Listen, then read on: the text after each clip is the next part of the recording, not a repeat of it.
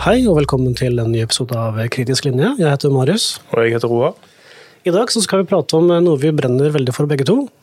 Det involverende planlegging, eller Last Planner System, som det heter på fint. Det er det. Og i dag har vi med oss to kunnskapsrike personer som også er veldig engasjert i dette emnet. Så vi sier hei.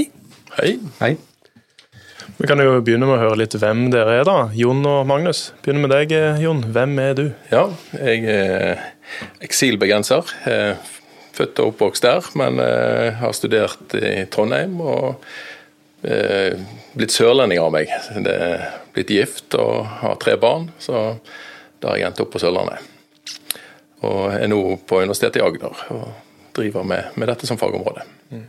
Men du har jo også en bakgrunn i bransjen og jobbet både med planlegging, involverende planlegging ute? Litt. Ja, eh, som sagt så begynte jeg i Trondheim med å bli opplært der på kritisk linje, og passer godt med, med temaet her i dag. Men eh, så var det vel i 2006 eller noe i den duren at jeg ble introdusert for Lean Construction. Og så at det var en litt annen måte å tenke planlegging på. og og ble inspirert av det. Så det var, Da begynte jeg i Skanska, og, og ja, var der i ti år og drev med det som vi kalte trimmet bygging. da, Men mye av det handlet om last planner system og, og lean construction-tankegang. Ja, så her har vi med oss noen som kan både teori og praksis veldig bra, så det bør love veldig bra for praten. Det håper jeg. Mm -hmm. Og Magnus, hei hei. hei. Hvem er du? Jeg heter Magnus. Jeg jobber nå i, på Thomas som innovasjonssjef, men har jobbet mange år i bransjen som prosjekteringsleder og prosjektleder. Så ellers så er jeg drammenser og har to barn og er gift. Mm.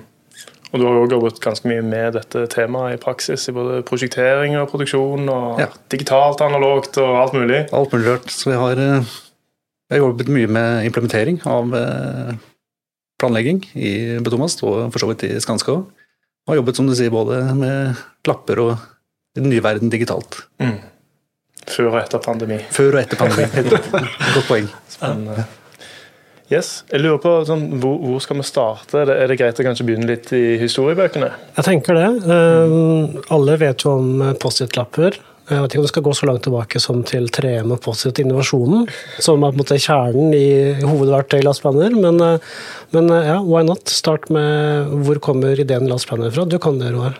Ja, øh, jeg kan litt, og så tror jeg at her samla i rommet så kan vi mye. Jeg tenker at Hvis vi spoler tilbake igjen til starten av 90-tallet, så vidt jeg vet For det er vel der begrepene last planner Det dukka ikke på norsk på en stund, men i fall last planner-begrepet oppsto vel tidlig på 90-tallet hos noen amerikanere som forska litt og utvikla litt.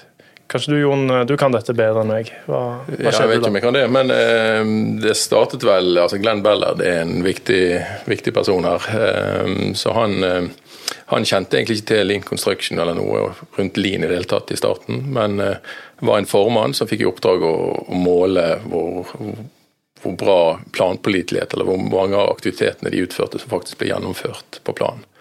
Og fant ganske raskt ut at det var sjokkerende få. Han var nede i 40-50 av de tingene som var på planen, at på ukesplan, det ble ikke gjennomført. Og så da at her er det et problem. Og startet da egentlig med å si på det prosjektet at nå, nå må vi sørge for at absolutt alt som kommer på planen, på den korte planen, altså ukesplanen, treukersplanen, det måtte være sunt. At det måtte være klargjort.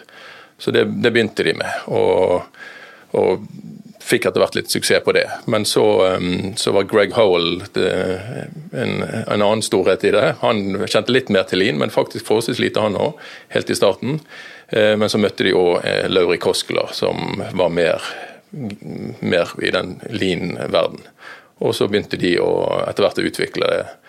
Last Planner System, kanskje først og fremst med Glenn Bellad, som skrev doktorgrad, eller avhandling av det. Og 92 så uh, lagde han den avhandlingen ferdig, og da var på en måte startskuddet for Last Planner System som et begrep uh, i gang.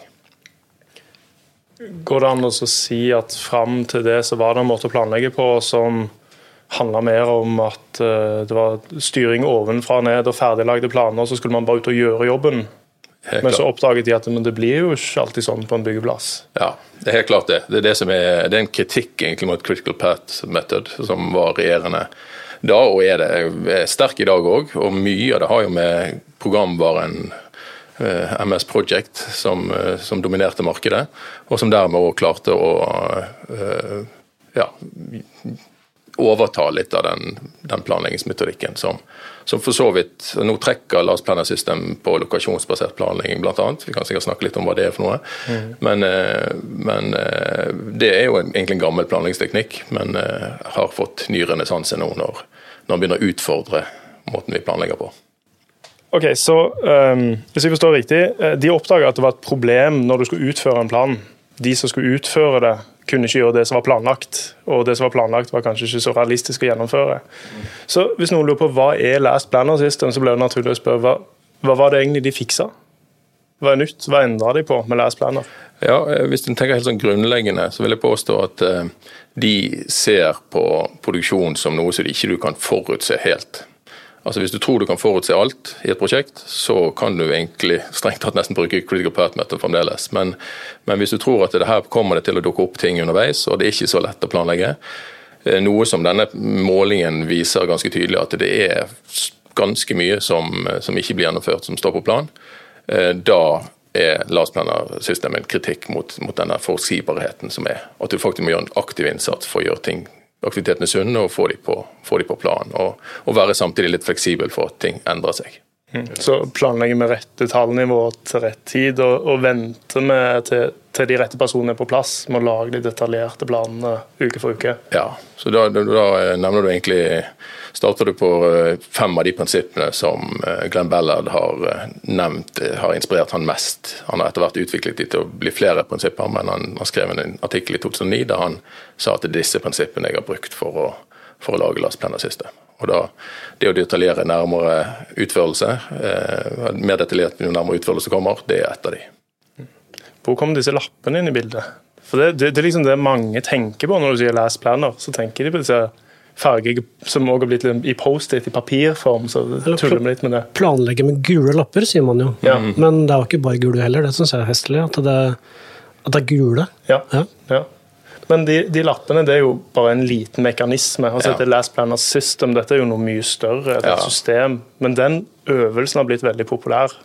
Ja, den, eh, den kom inn litt seinere enn det han skrev om i sin doktoravhandling. Så det, det er mer praksisen rundt det. Eh, der bl.a. involverende planlegging, som også er en av prinsippene. Du skal involvere de som skal utføre arbeidet i, i planleggingen. Og der eh, Post-It-lapper ble på så vidt litt stjålet fra IT-bransjen, om at her, dette, dette, er en fin måte å involvere folk i planlegging. Og så var det bakoverplanlegging, først og fremst på faseplan, som ble, ble en del av, av, systemet, som de brukte ganske aktivt. Og da da, da kom det mange farger. Så jeg har hatt en del sånne seanser med bakoverplanlegging på Post-It, og gir de rosa lappene til den som ser mest tøff ut i trynet. det gjør jeg, det gjør jeg med vilje.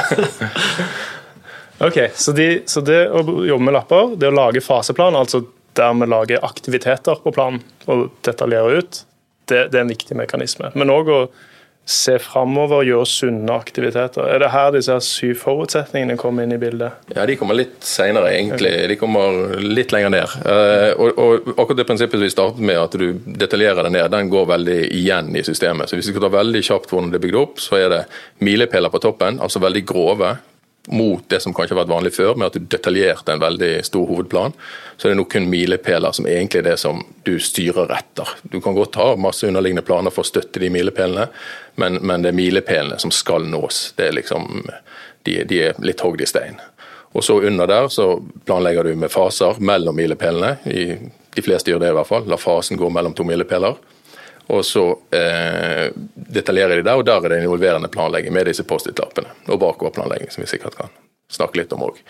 Eh, og så tar du det ned på, på såkalt utkikksplan etter, etter, dette systemet. Og da begynner du veldig aktivt å, å gjøre ting klart. For der er det en erkjennelse om at selv om vi har gjort en faseplan, så er det ikke sikkert at det betyr at dette blir gjennomført. Så du gjør en veldig aktiv klargjøring av aktivitetene. Og da har du såkalte syv forutsetninger, som egentlig bare er syv ting som er viktig, som gjør en helhet til en aktivitet. Og så klargjør du med de, sånn at du kan sette det inn på planen.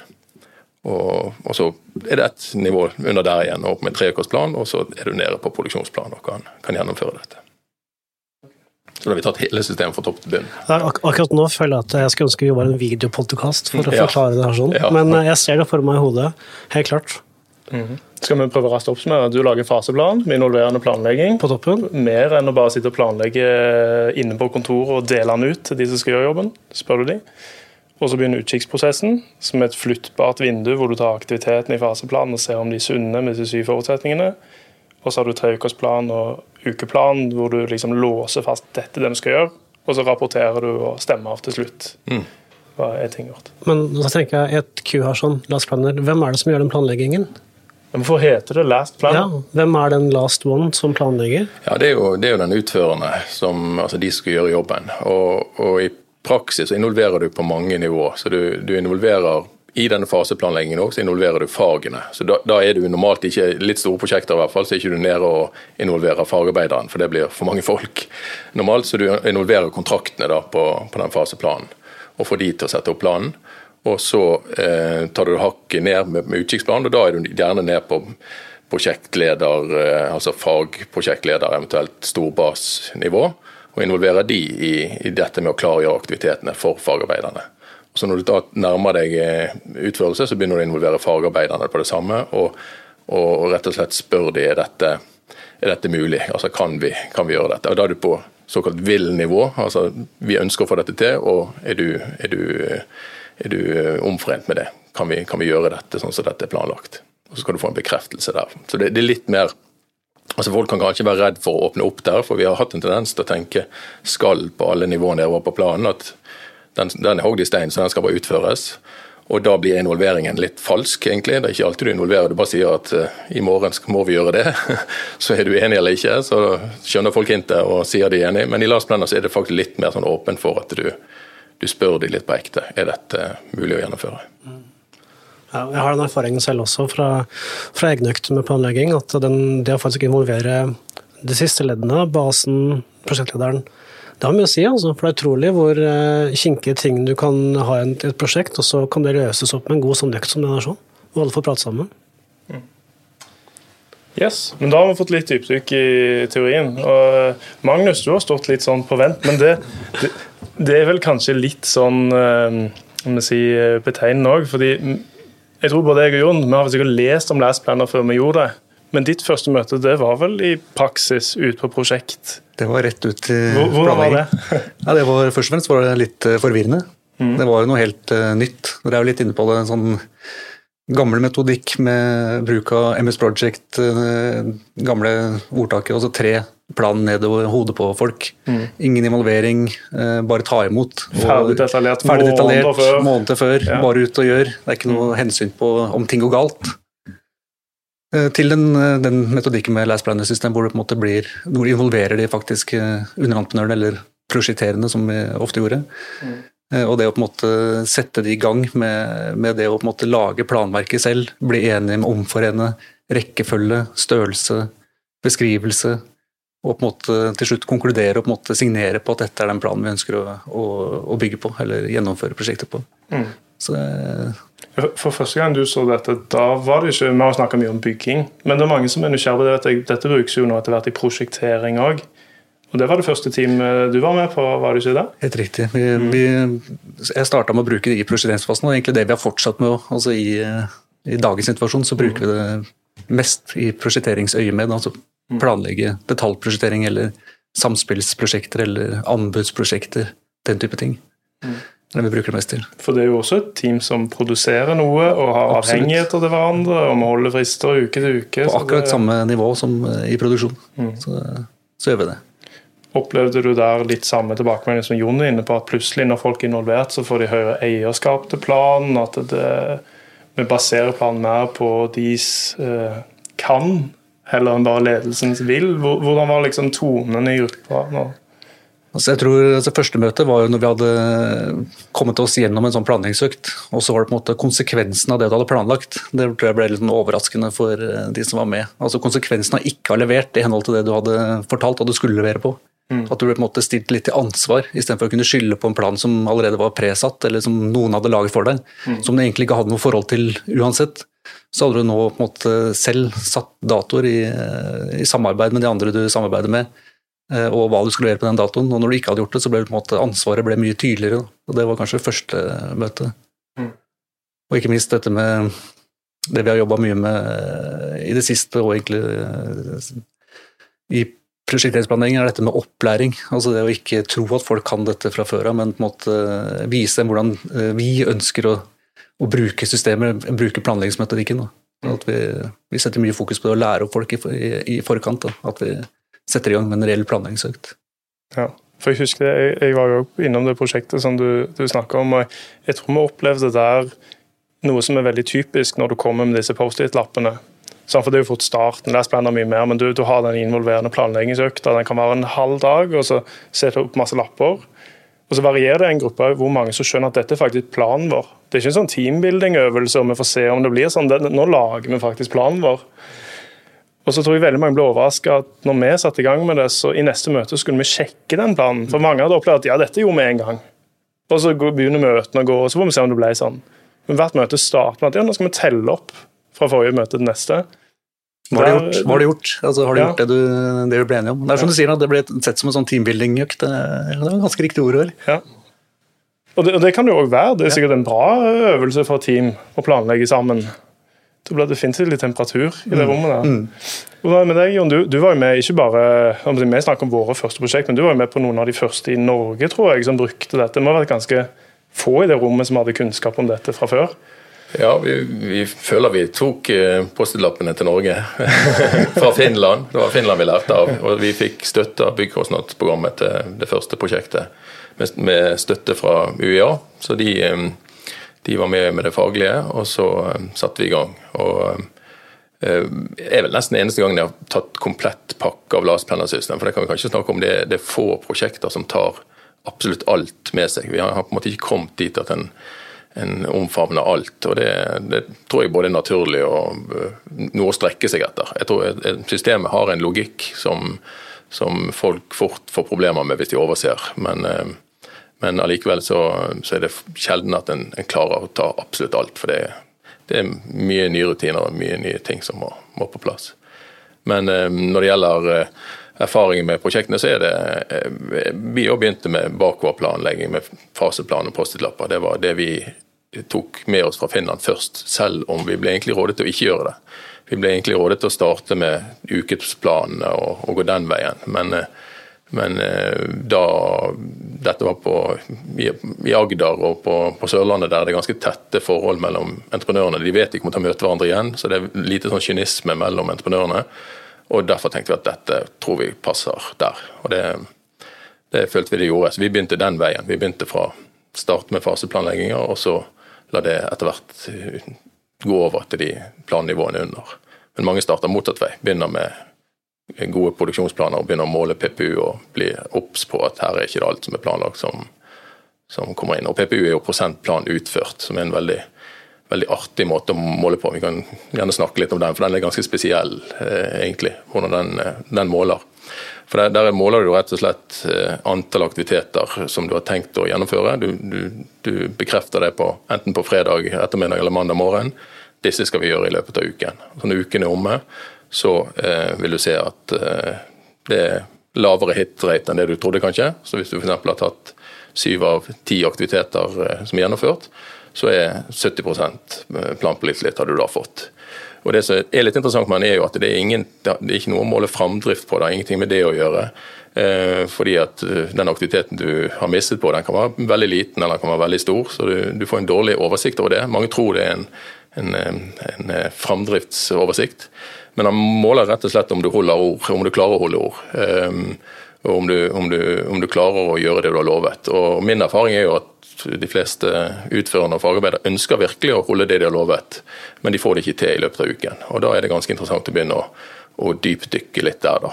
Så det, det, er jo et prinsipp at du skal, du skal jobbe med å, med holde det du lover, men så er det også et prinsipp det å lære av feil. Um, og Da må du da um, det, vurdere Da tar en kanskje fem hvorfor hvis du skal kjøre hele modellen, og spør fem ganger hvorfor klarte vi ikke å levere på det vi hadde lovet. Og Veldig ofte så peker da pilene til noe andre enn den utførende. Da er det enten tegningsleveranser det er noen problemer med, eller en har gjort noen for sene byggerbeslutninger, eller hva det måtte være. Så veldig ofte så ender en vekk fra fagarbeideren, faktisk. Selv om det jo kan skje, at de har blitt syke, eller de har eh, ikke bestilt det de skal ha varer osv. Men eh, en veldig kraftig KPI som, som, ofte kan være på teamnivå, og de kan forbedre den seg imellom. og de, de er ikke ute etter å skyte noen ned, men de er ute etter å sette en litt sånn trykk på at uh, nå, gjorde, nå, klarte ikke du nok en gang å gjøre det du sa var. Så du skal, du skal ta litt eierforhold til hvorfor dette ikke gikk. Og så lar du signalene gå den veien oppover i organisasjonen. Så nøkkelen her er kanskje da ærlighet da, i teamet til hva man klarer å gjennomføre og ikke. For det høres ut som en ganske smertefull greie kanskje de første gangene man gjør det og ikke leverer det man lover. Mm. Ja, så Ærlighet og tillit og kultur for, eh, for å kunne snakke sammen, den, den dukker fort opp. Og du må ta det som at dette her gjør vi sammen. og vi, vel, Min erfaring med Last Planner System, som er ganske unikt synes jeg, i forhold til andre, det er at du får, du involverer, og dermed får du en sånn teamfølelse. Så når du, du kan nesten tikke av når, team, når, du merker at den teamfølelsen er der, folk begynner å bry seg om hverandres fag osv. uten å kjefte på hverandre, men faktisk nå må du passe på å rydde opp etter deg, for nå skal jeg inn der i den sonen etterpå osv. Når du får de mekanismene til å gå, da da funker dette systemet. Og da er, det, da er det vel verdt. Det er ganske mange som kan skrive under på at de hadde ikke fått oppnå de målene de hadde hvis de ikke hadde fått den type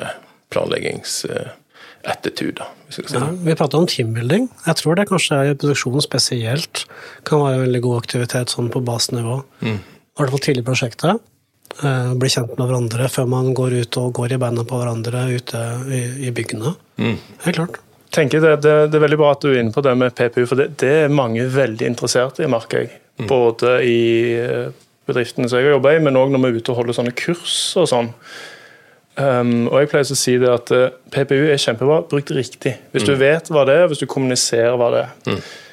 Og uh, Samme som du òg sier, at det, det er jo ikke Eh, du må ikke tro at et mål på fremdrift Vi pleier å si når vi måler PPU litt sånn som du sier, Magnus, Man lærer seg noen sånne kurs noen sånne monologer man holder som fasilitator. og En av de tingene som jeg har lært å si, er at det er ikke et mål på framdriften. Det er ikke et mål på kvaliteten på det vi har gjort.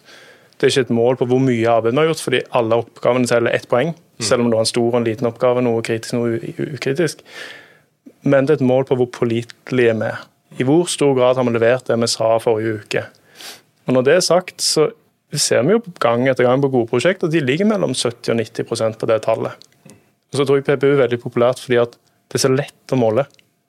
Hva er PPU? Det er antall aktiviteter levert delt på antall planlagt. Du kan løse det på en serviett i møtet hvis du vil. Du trenger ikke et Excel-ark. Selv om det er veldig hyggelig å ha Excel-ark på det. Alltid hyggelig å ha Excel-ark. Ja. Ja. og dette har jo du erfaringer med, Magnus. Både, hva, hvordan opplever du at en god PPU-måling og liksom denne gruppen, hvordan teller det opp? Hvordan får liksom en god sånn teamgreie rundt det? Det Først og fremst er det som du er inne på, altså det, å, det, å, forklare hva det faktisk er for noe. Altså det er ikke noe magisk eh, tall, det er ikke noe formel til eh, suksess. eller noen ting. Altså det, det, sier bare noe om påliteligheten. Altså, og det igjen gjenspeiler jo teamfølelsen, altså det med teambuilding det å være enig med at vi prøver å levere det vi har sagt. for Det sier jo noe om eh, hvor pålitelig planen er, hvor reell planen er. Da, som sånn At vi har på en måte planlagt riktig med riktig rekkefølge, riktig størrelse, at vi har hensyntatt alle parametere. Så vi bruker litt tid på å forklare hva det faktisk er for noe. At det ikke, ikke er noe magisk formel til suksess, men det sier bare noe om evnen vår til å planlegge, vår pålitelighet. Mm. Og Når du teller opp PPU, så er det veldig vanlig at man gjør dette gjerne i et møte, sitter rundt et bord, og så teller man aktivitet for aktivitet. Er den gjort eller ikke? Helt binært. Mm. Og Hvis ting ikke har blitt gjort, så er det sånn som Jon sier, da, da må jeg gjerne opp i en årsak. Da vet jeg sånn, du har jo, Dere har jo på bedriftsnivå sikkert noen sånn ti standardårsaker. Mm. Noe sånn. Og Dette har jo jeg sett selv òg. Når en fasilitator forklart ingen av de årsakene er at arkitekten er dum, eller entreprenøren er lat, eller liksom noe sånt. Det går på noe saklig. Mm. Hva, hva, er typiske årsaker som du ser når ting ikke går som planlagt? Ja, det er, altså, enten så er det ressursmangel. Eller så er det en klassisk eh, foregående aktivitet ikke utført. Altså det, det, den er kanskje den største gjengangeren. Altså det som skulle vært gjort for at jeg skulle gjøre min oppgave, er faktisk ikke gjort. Dominoeffekten. Domino er, den er, den er størst. Mm. Så det er den du ser oftest? Det er den jeg ser, det ser oftest. Kan du raskt nevne noen av de andre som dere har som sånn standard som du kan få oppgitt? Ja, det er, eh, altså det er dårlig beskrivelse, altså manglende beskrivelse. Det er feil eh, Eh, størrelse, at man ikke har eh, delt opp elefanten i, i, i nok biter. Og så er det dette med foregåendalitet, og så er det dette med offentlige instanser, altså manglende IG-ere, sånne ting som mm. prosjektet har lite påvirkningskraft på. Så det er vel Det er noen av de. det er noen av de. Ja. Ja. Jeg har en som ofte går gjennom eh, i mine prosjekter òg, veit jeg. Nedprioritert fra noen oppgaver. Ja. Den er ganske populær. Ja. Det er liksom en høyden på toppen av kaka alltid. Alltid nedprioritert. Så hvorfor er den nedprioritert? Mm, nei, den er nedprioritert. ikke sant? Jeg har ikke noen god forklaring. Det bare er sånn. Kanskje det er litt mye oppgaver denne uken, eller bemanning, hvem vet. Men det er alltid nedprioritert. da. Den, den har alltid plaget meg. fordi av de ti standardårsakene som jeg har, Mm. så er de andre veldig sånn binære. Mangler bemanning. Det kan være sykdom, det kan være noen har slutta eller et eller annet. Men den med nedprioritert eh, for annen oppgave, den har jo egentlig et formål. Men sånn, det norskspråklige her, det høres ut som en sånn rundingsbøye. Du kan plassere, nei, jeg har nedprioritert, derfor har jeg ikke gjort mitt. Så akkurat den, der prøver vi ofte å kjøre fem buffer. Og når vi graver litt i det, så var det egentlig en av de andre. Så det kan være litt lurt å passe litt på når man gjør årsakssjekk. Det er et godt tips. Så, Ja, Jon, hva, du har jo sett dette både i prosjektering og bygging. Mm. Hva tenker du er de største liksom, Hva er likt å være forskjellig? For det er det Ja. mange lurer på. Ja, eh, det syns jeg er veldig interessant. Det snakke litt om. for det Prosjektering er jo eh, opplagt litt komplekst. Der er det iterasjoner. Der, du, du, der klarer du ikke å vite hva du får alltid. I hvert fall ikke i startfasen av prosjektering. Så, så, så er det en kreativ prosess som er mye vanskeligere å predikere. Hva, hva kommer til å skje om tre uker. Sånn at Der begynner en jo bl.a. med VDC og litt andre typer metodikk etter hvert, fordi at en, en ønsker den fleksibiliteten i planen. Kortere tidshorisont. Enda kortere enn det Last Planner er. Og Last Planner har jo en, en, en lang periode med såkalt å gjøre de sunne. altså Hele den utkikksplanen handler om å gjøre aktivitetene sunne. og Det kan være vanskeligere i, i prosjektering, for der du vet ikke hva du skal gjøre sunt. Du klarer ikke å se så langt frem som åtte uker. Eh, sånn at, eh, men så er det interessant at produksjon er så uforutsigbart. Det skulle på en måte ikke vært det. Fordi at eh, byggesteinene vet vi. Vi vet rekkefølgen på ting. Vi vet eh, hvor mye varer vi må inn. Og vi vet liksom alle de fleste variablene i der. Men det vi, det vi ikke har, er jo bl.a. vær og vind, og de tingene der spiller selvfølgelig inn. Men òg det sosiale. Eh, Har folk skjønt oppgaven? Har folk lest tegningene riktig? Har de, har de forberedt seg rett? Har de rett eh, altså Da kommer vi igjen til de syv forutsetningene, eh, som da etter hvert gjør at dette det er såpass mange variabler der ute at ok, det, vi kommer til å måtte replanlegge litt. Vi kan ikke forutse så langt. og Derfor, derfor passer da LAS-planer inn. Men hvis en tror at det ikke eksisterer, at det handler bare om ekstra planlegging for å få det til, så, så er liksom ikke Lars Planner System alltid redningen. For den, den tenker på det at her, her må vi jobbe veldig systematisk for å få ting klargjort. Og hvis vi unngår, og hvis vi tror at det skjer ikke, så start med å måle PPU, og så se om du har rett i det. At ting er på plass når du, når du har planlagt de skal være på plass. Og da blir, nok, da blir de fleste overrasket hvor lite vi faktisk får til i forhold til det vi har planlagt. Og, og ferdig arbeid er jo ferdig, så er, da er det ferdig, ferdig, ferdig, som vi ofte sier. Da skal det være 100 det, det, da, da skal du ha gjort absolutt alle skruene, og alt skal være på, på plass når du, når du på en måte tikker av. Og Så kan den listen den kan økes etter hvert. så Team som på en måte blir veldig opptatt av å hele tiden utfordre seg, de vil ha et strengere krav til hva som er ferdig, kontra noen som kanskje begynner med det i starten. Da kan de kanskje mangle en plate, og så sier de at ja, det er ferdig. Vi har jobbet der i 80 timer nå, så da det er ferdig. Det er bare en halvtime igjen. så det vi rapporterer at det er ferdig. Og da får du litt sånn. Men etter hvert så blir vi trent i dette i lagene og merker at dette er, dette er for å bli bedre. Dette handler ikke bare om å rapportere til noen over. Og, og det har vi diskutert før, det her med å sammenligne PPU-er mellom prosjekter, det kan være litt vanskelig, for det er forskjellige steder folk er i osv. Så, videre. så eh, gjerne bare som en sånn Teams-KPI. altså du har, det, du har det som en målemetode i teamene for å, for å skjerpe seg sjøl. Jeg, jeg, jeg trodde jeg skulle klare det, men jeg klarte det ikke. Hva skjedde? er liksom gangen i den. Hvis en eh, toppleder kommer ut og begynner å knytte bonus til PPU, Sant? hva, hva skjer da? Ja, da har du den. Da har du 100% dagen etter, vil jeg tro. Fordi, fordi alle kan levere 100% PPU. Sant? Ja. Det er et mål på fikk vi til det vi planla. Ja. Det er bare å planlegge Da går, da går du ned med ambisjonsnivå, og så er Ja. ikke det like. Så eh, Mange snakker jo faktisk om at du skal ha en prosent eh, altså Du skal lande på 90% PPU hvis du vil virkelig på hugget. Men da må du være på hugget, da. Eh, Men at du eh, Du kan ikke mangle litt, og så sier du at det, det skulle vært 100% men det, det var et eller annet. Så da, da har du en ganske aggressiv plan. Ja. Du, har, du, har, du, har, prøvd å få til mye, du har gjort mesteparten, og så har du kontroll på det som sklir bitte litt, og så replanlegger du neste Nettopp. uke. og så har du likevel sterk fremdrift. Ja. Men for mange så vil det høres det helt feil ut å begynne å snakke om det. Da, da er det 100 som gjelder. Så til de som, de som er der, så er det greit. Da kan, da kan man begynne å være der. Og det er, det, det er nok det rette for de fleste. Bare prøve å oppnå 100 og, og, og prøve å få den målingen til å, til å fungere i praksis. Men, men jeg har også sett regneeksempler hvor eh, et prosjekt har 100% PPU uke etter uke etter uke. Jeg husker ikke om 15 eller 20 uker. Få oppgaver på plan, men gjort alle. Og så siste uken, før en milepæl, gjort omtrent ingen. Ja. Og har sånn 22% PPU eller noe sånt. Snittet der ble jo 96 eller 97% Kjempehøyt snitt PPU. Men alle de viktige leveransene rett før milepælen, de røyker jo. Hva skjer med den faktiske fremdriften i det prosjektet, kan man jo begynne å lure seg på. Når har du med statistikk, da? Du kan jo få det til å bli hva du vil, Nemlig. ikke sant? Bare du kan eh, jobbe med tallene godt nok. Så liksom, eh, Tagline under den podkasten er 'PPU, vit hva det er'. Ja, det. Ja. Men hva, hva som du sier, 90% er liksom, da, det er som benchmark topp, det er veldig bra. Eh, hvor bør man ikke under? Ligger man på 30% i PPU, liksom? Har det prosjektet noen framtid i det hele tatt? Ja, altså Det er jo kjempeproblematisk. Og, og 50% ligger de fleste på hvis de bare begynner å måle. Det, det er sånn klassisk. Eh, men det er skrevet faktisk en svær rapport i, UK, i Storbritannia, som har skrevet en rapport der de ser at i hvert fall over 65 bør du, bør du ligge på. For hvis ikke du er over der, så, så får du så mye følgeeffekter at du begynner å nærme deg nesten en sånn kaotisk planleggingssituasjon. Ja, men sier, Hvis 50% er liksom normen, så kan man spørre seg hvordan i verden får vi disse byggene noensinne ferdig? Hvis man gjør halvparten det man planlegger hver uke, da. Mm. Og, og, og Grunnen til at vi får det ferdig, er fordi at vi buffrer i massevis. Sant? Vi har masse lager på byggeplass, vi har masse aktiviteter klargjort, og vi sløser med ganske mye ressurser i, i den greiene.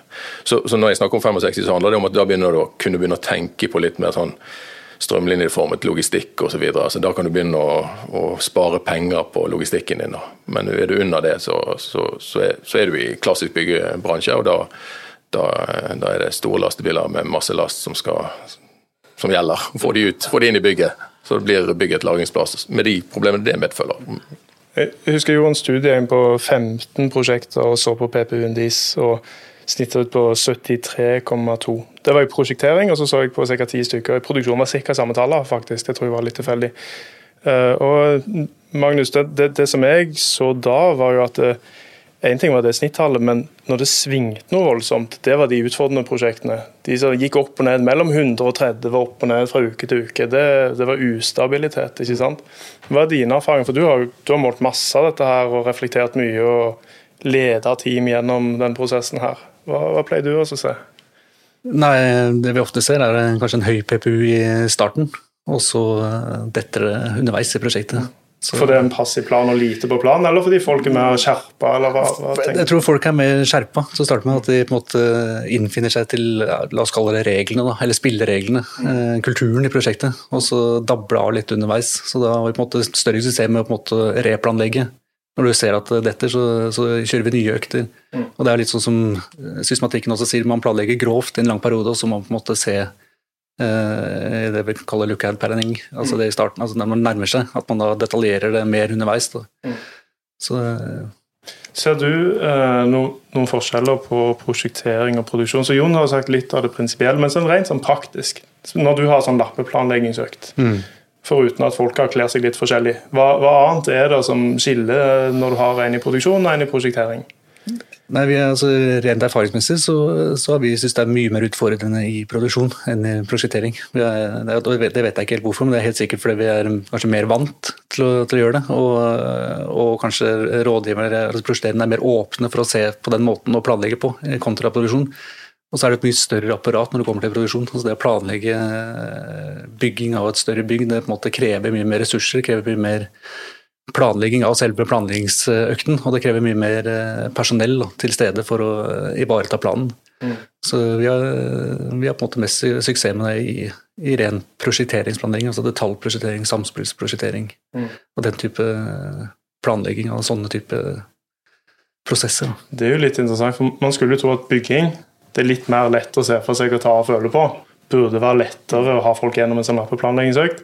Prosjektering er jo så komplisert, og er iterasjoner som du er inne på, men likevel, jeg, jeg har jo litt erfaring med det samme, at de øktene med prosjekterende går ofte litt lettere. Kan det være nettopp det at de, de, de kommer der med sånn 'hvordan skal vi løse dette', kontra en sånn 'jeg har gjort det før'. Kan det være en sammenheng der, eller er det noe annet som spiller inn? Eller er det at de prosjekterende er vant til å planlegge sitt eget arbeid også, mens de ute i felt som produserer, er vant til å få planen i hånda og gjøre som det står? Det tenker jeg kanskje, ja, De er vant til å få en plan levert rett i hånda og si at det, det her skal du gjøre denne uka her, men å faktisk aktivt ta et valg selv, da. den er ukjent for en del. Mm. Jeg lu- jeg lurer litt på, jeg vet at du og jeg gjør dette likt, og her er det ingen fasit hvordan man vil gjøre det, men hva man ønsker, hva man foretrekker. Men eh, jeg pleier jo å lappeplanlegge altså produksjon. Da setter vi en lapp på hele varigheten på en aktivitet. Mens i prosjektering så setter vi bare lappen der det skal leveres, og så tvinger vi de heller til å bryte opp aktiviteten i småleveranser. Eh, Er det kanskje en, er det en del av forklaringen hvorfor det går lettere der, eller? Det kan være, men på en annen måte så er det vanskelig å, å gjøre det samme i prosjektering som i produksjon. Altså det å bare sette eh, sluttdatoen er, er kanskje veldig vanskelig å forholde seg til. Altså når det kommer til bestilling av materiell, logistikk, altså innheising eh, og den type ting. Det er en del andre forutsetninger eh, istedenfor det å drive prosjektering. Da.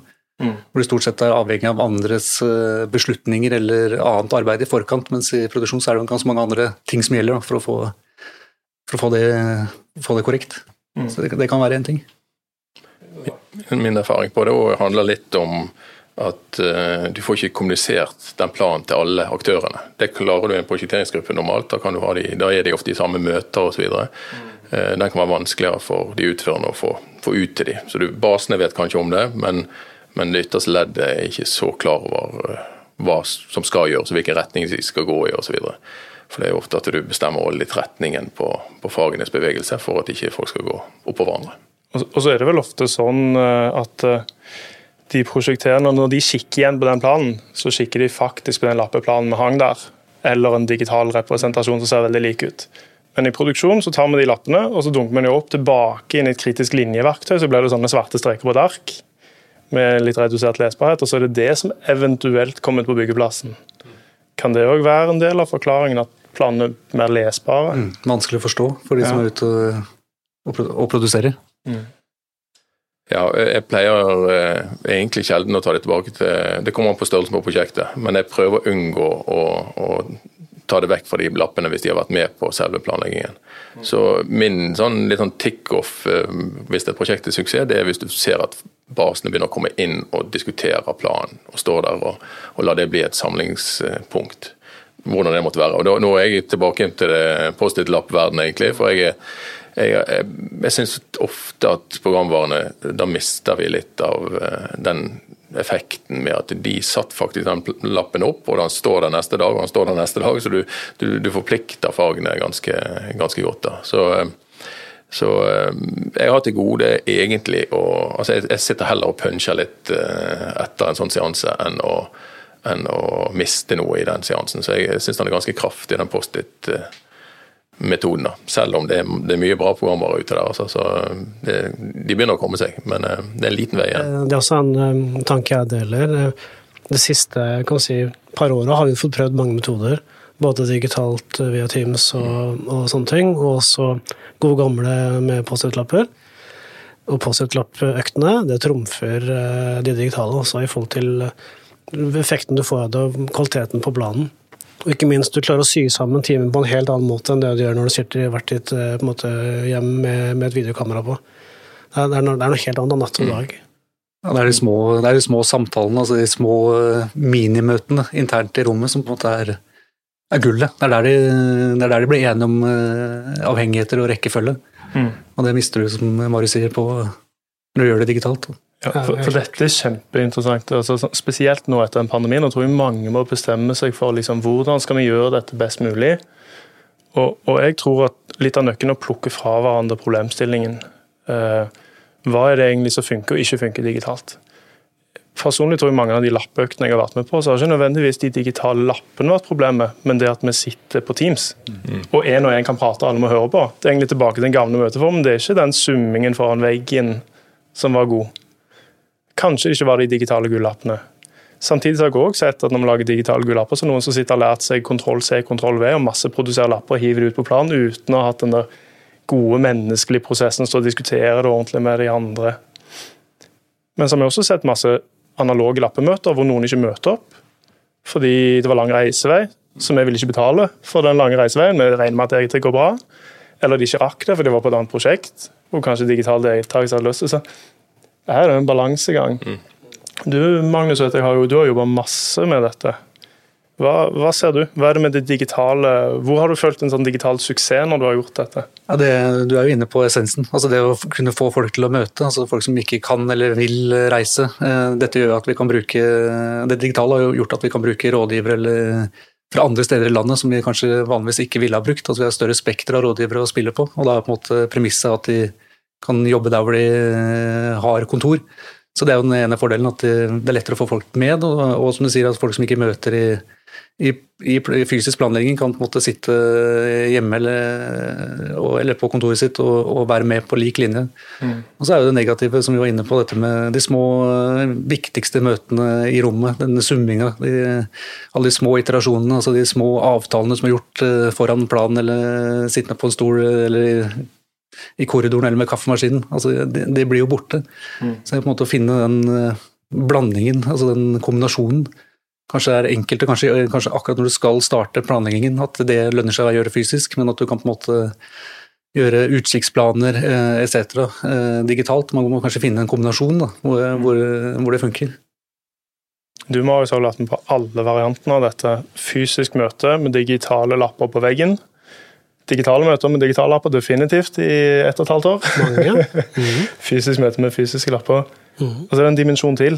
En ting er jo det møtet hvor du lager planen, men så har du møter for å følge opp planen. Er det en forskjell der òg? Ja, det er det. Eh, jeg syns det er en helt annen energi i rommet hvis du er alle samla og du gjør avsjekken, praten går bedre, det er på en måte lettere å måte ha de diskusjonene rundt årsakene. fordi som du sa, da, når man er på Teams, så er det bare én som kan prate av gangen. Man kan ikke prate liksom oppå hverandre. Det bare funker ikke. Det bare stopper seg sjøl. Så jeg, jeg, må si jeg foretrekker Jeg har gjort veldig mange prosjekter digitalt, og det fungerer. Men jeg foretrekker at folk er samla. Fordi det er noe med den energien og dynamikken du får i den gruppen mennesker som er der, som er spesiell. Og så at, at alle er der. Du, som du sa, at de, de der, alle de der diskusjonene på siden av faktisk nøkten å sjekke ut planen der er det mye som skjer som er viktig for prosjektet sin del. Da. Helt klart. Så jeg, jeg var veldig sånn der eh, Å, nå er det endelig en god digital løsning. Eh, vi kaster de Post-It-lappene og dropper det, og så kjører vi bare digitalt. Men jeg må si at eh, Post-It-lappene fungerer best. Altså, I hvert fall i den, i den initielle planøkten så sverger jeg til å kjøre det på den måten. Fordi det er, sånn, det er en, en teambuilding-prosess. Du, du, skaper den, enten det er produksjonsgruppen ute i felt, eller om det er en prosjekteringsgruppe.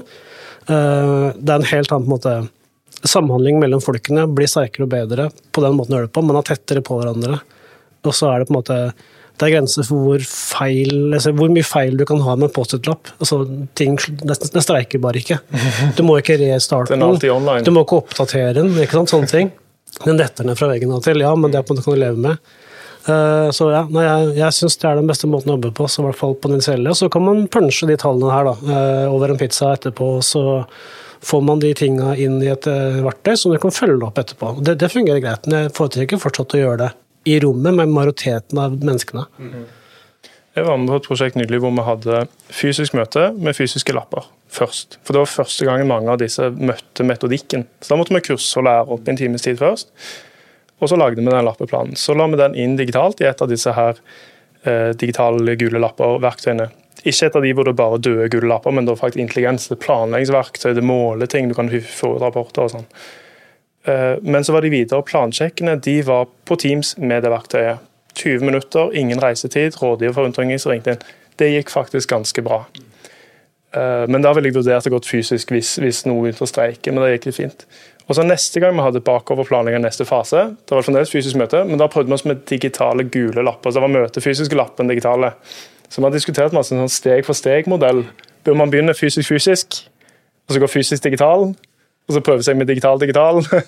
er det en slags trapp her? Eller hva tenker du, Jon? Du har jo sett folk lære dette trinnvis en del ganger.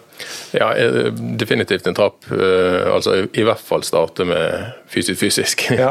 hvis, hvis, det er første gang du bruker det. For det, det, det er enklere, og du, du, får, du, får, andre prater. Og de, de pratene mellom fagene som, som, på en måte hadde vært støy på et Teams-møte, de òg syns jeg er viktig. Altså Når de begynner å si at ja, vi skal jo ned forbi der, tar du hulltaking for meg eller ikke, osv. Har du spikerslag der, og alle de smådetaljene de diskuterer seg imellom det er effektiv egentlig møtevirksomhet. Altså Da får de avklart veldig mye og, og, og sette seg inn i jobben, rett og slett. Hvordan blir denne for oss, og hva, hva gjør vi i detalj. Mm. Så um, jeg ville begynt fysisk uansett, og så vurdere etter hvert hvor mye digital. Og helt sikkert uh, lurt å, å, ta litt sånn skrittvis. Jeg tror det. Jeg, jeg, tror effekten prosjektet har av at man møtes den første gangen man gjør den økten, den er ganske stor. Det er ganske mye oppgaver, eh, enten det er produksjon eller prosjektering, som løses bedre der enn det vil kunne gjøres digitalt. Eh, et eksempel jeg har fra tidligere prosjekt, er eh, en sekvens på taket på et stort prosjekt, hvor det var tre UE-er som skulle levert. En leverte TRP-en, en leverte isolasjonen, så var det taktekeren. Alle skulle ha tolv uker hver seg. Og så var på en måte rammen for produksjon og arbeid det var 18 uker. 12 pluss 12 pluss 12 er ganske mye mer enn 18 uker. Det var nei, jeg må ha så lang tid.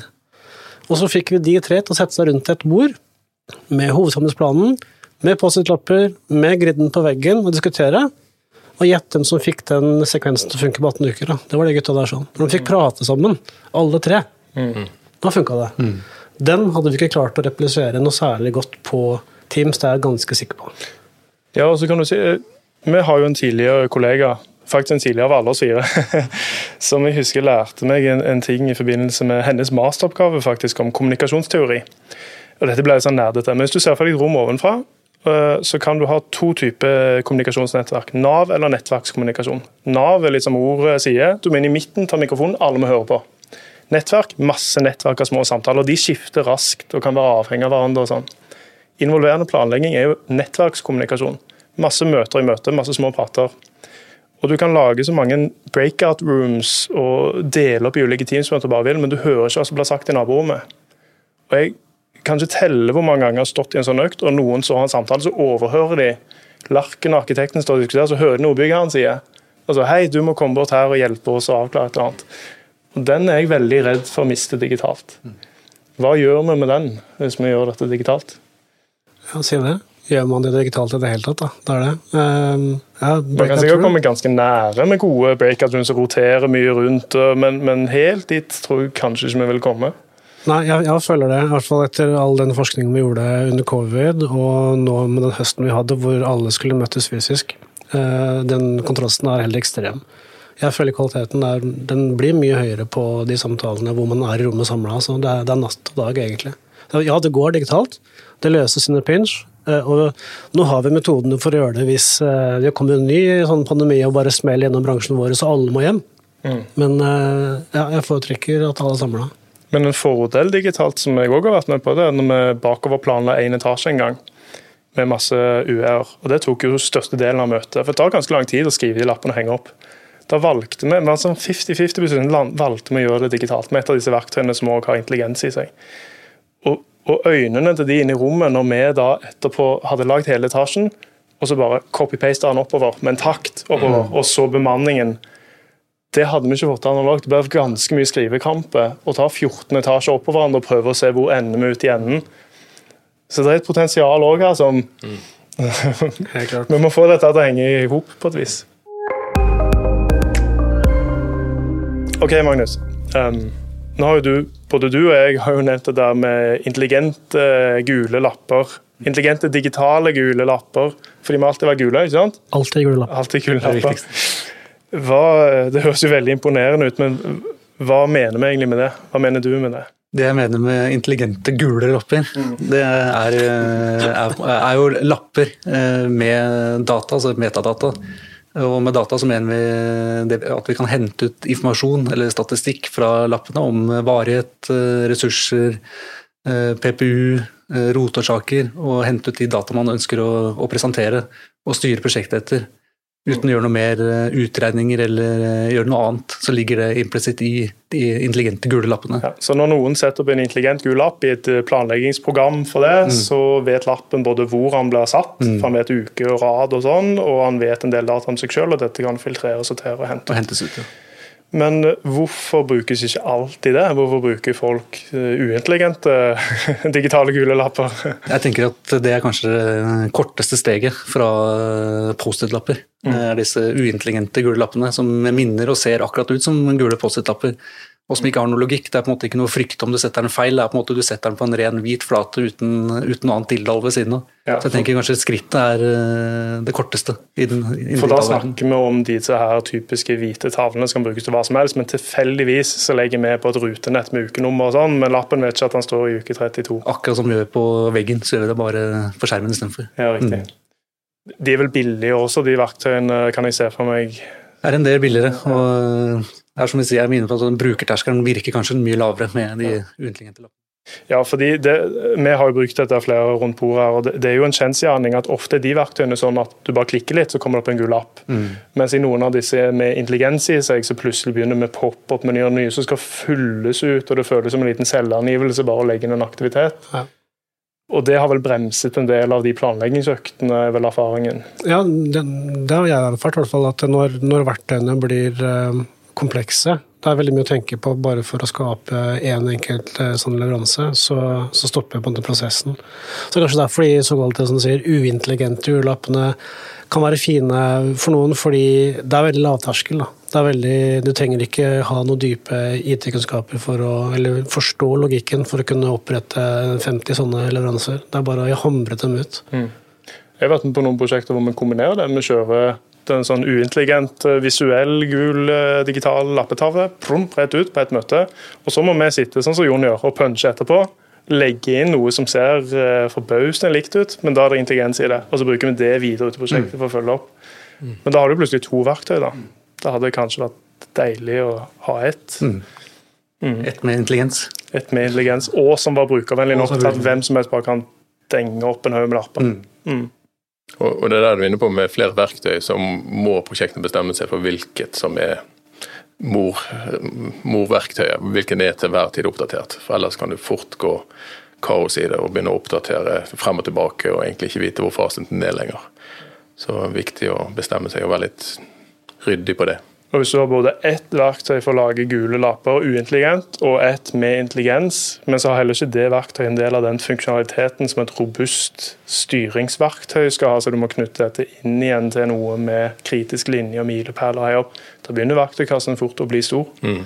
Mm. Derfor ender veldig mange prosjekter med å kombinere det med MS Project. Det er liksom løsningen. Mm. Og litt Excel kanskje, men de fleste tror jeg finner ut at det blir for komplisert å ha for mange program.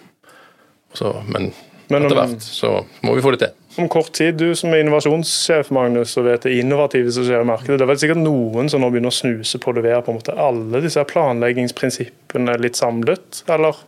Det er det helt sikkert. Altså, vi, vi, har brukt mye tid på å lete fram de verktøyene vi bruker i dag. Så den jobben fortsetter bare. Mm. Mm.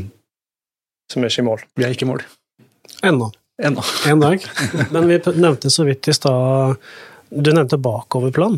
Jeg tror vi skal stupe bitte litt inn i det begrepet. der. Sånn, eh, det er et prinsipp i landsplaner som er ganske viktig. Mm. Eh, vil du fortelle litt hva det er for noe? Ja, jeg syns det er uh, temmelig viktig. Det er nesten hovedprinsippet. altså Start with end in mind, eller start med slutten.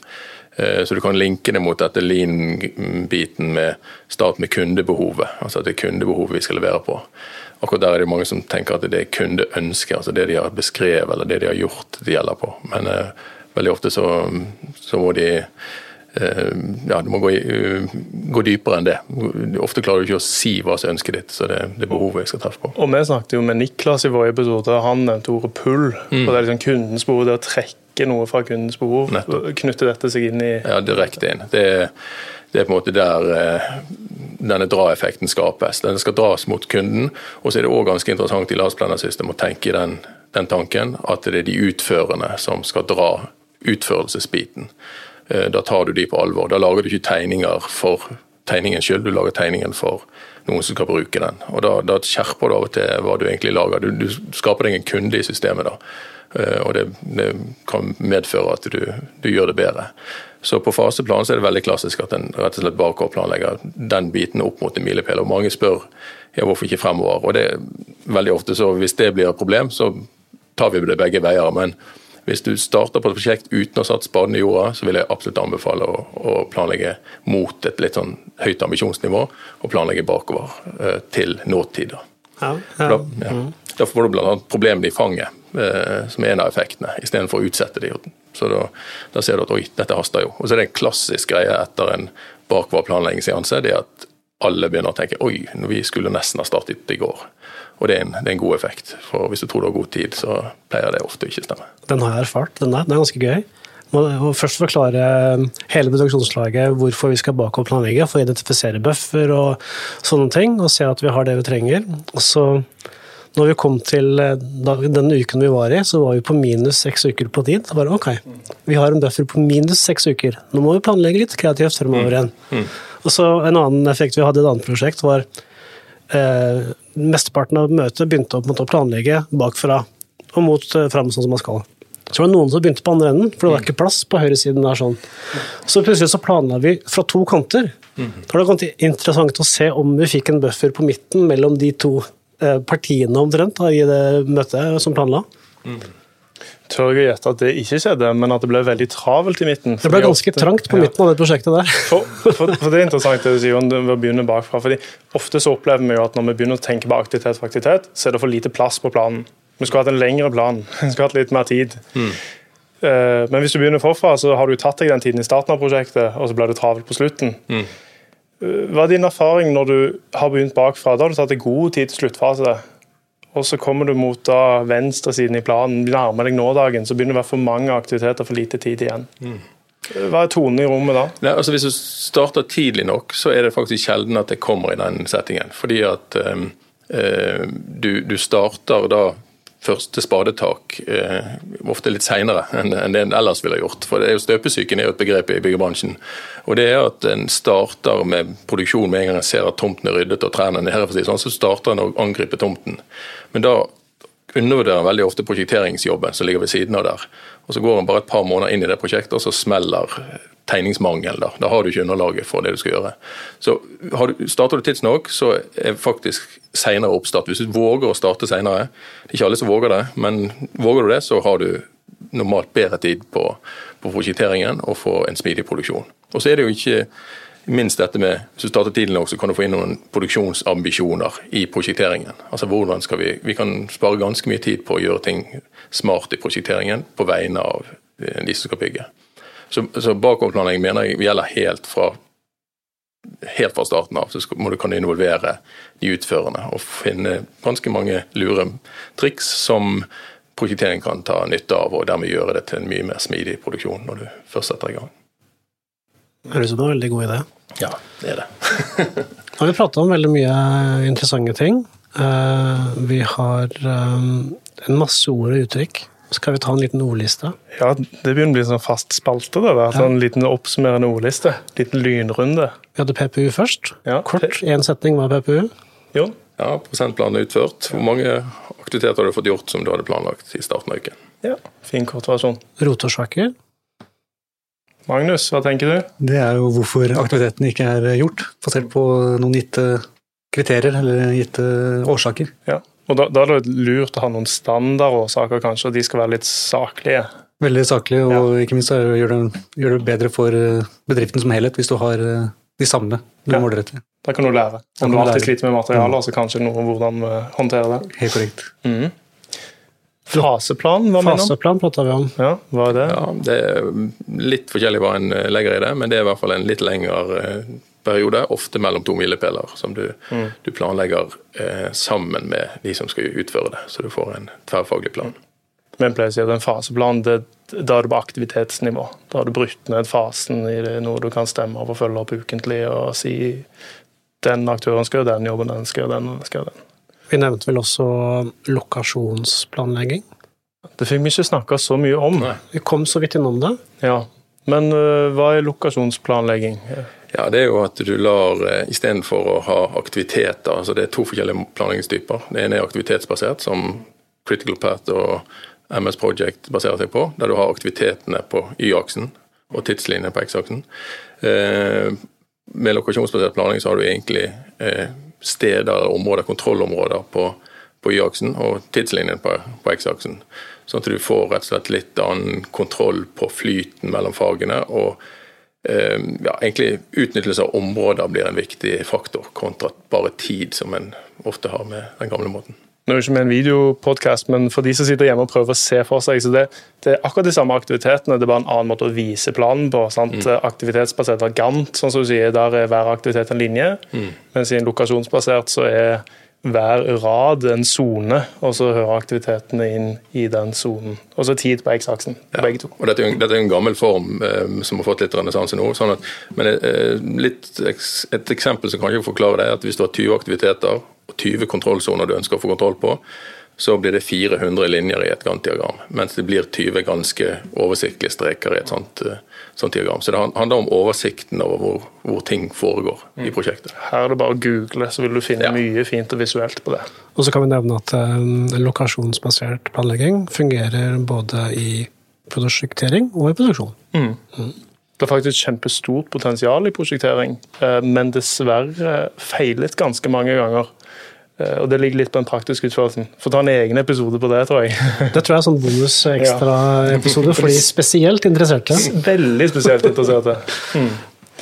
Yes, Neste ord? Men flere ord var vi innom. Utkikksplanlegging. Utkikksplanlegging prata vi om. Hva er utkikksplan? Vil du, Magnus, prøve? Det er sånn som jeg ble definert det, så er det i den nærmeste perioden. altså enten to-tre uker fram til månedene, hvor du måtte gå mer detaljert til verks. Mm. Så det er et flyttbart vindu? Et flyttbart vindu som du, ja, du, ser de nærmeste ukene fram i tid. Hva er det man ser etter? Ja, Da detaljerer man jo gjerne langt uh, mer, uh, og da kan det ha kommet ting, nye leveranser inn som ikke er tenkt på når man planlegger større. Da. Mm. Og så nevnte du jo en sunne aktiviteter. Det er jo òg et nytt ord, men kanskje det hekter det inn her. I utsiktsplanlegging, hva er sunne aktiviteter, og hva er det med altså Helt teoretisk er det disse syv forutsetningene som du skal sjekke at er på plass. Så det handler om å ha et bevisst forhold til at ting som er på plan, ikke nødvendigvis blir utført bare fordi de står på planen. Så du går, du går eh, systematisk til verks og gjør de klar for utførelse.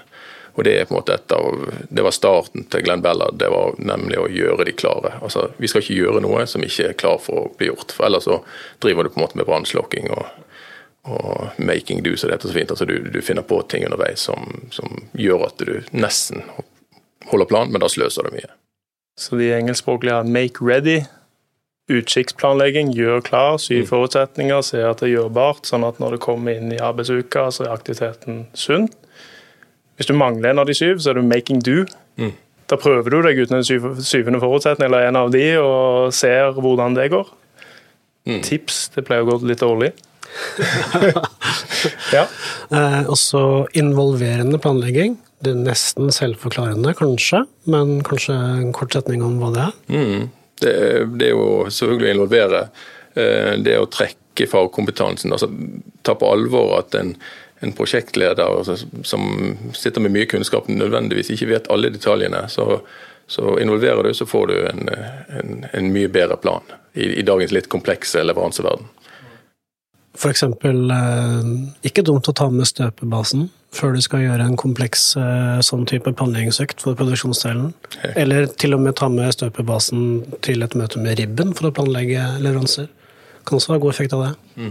Og så snakker vi om uh, lappeteknikk og sånn, eh, ja, lappeplanlegging, det gjøres vel ofte i innoverende plan. Det er et virkemiddel for å få til innoverende planlegging. Men du kan jo gjøre det uten, men det anbefales vel kanskje som en tilnærming. Skal vi si at uh, det med lappeplanlegging, at det er uh, verktøyet vi bruker mm. i involverende planlegging, kanskje? Ja, det er sikkert en fin definisjon. Mm. Mm. Da gjenstår det bare å si tusen, tusen hjertelig takk til to gjester vi har hatt, Jon og Magnus. Takk for invitasjonen. Tusen takk. Veldig hyggelig.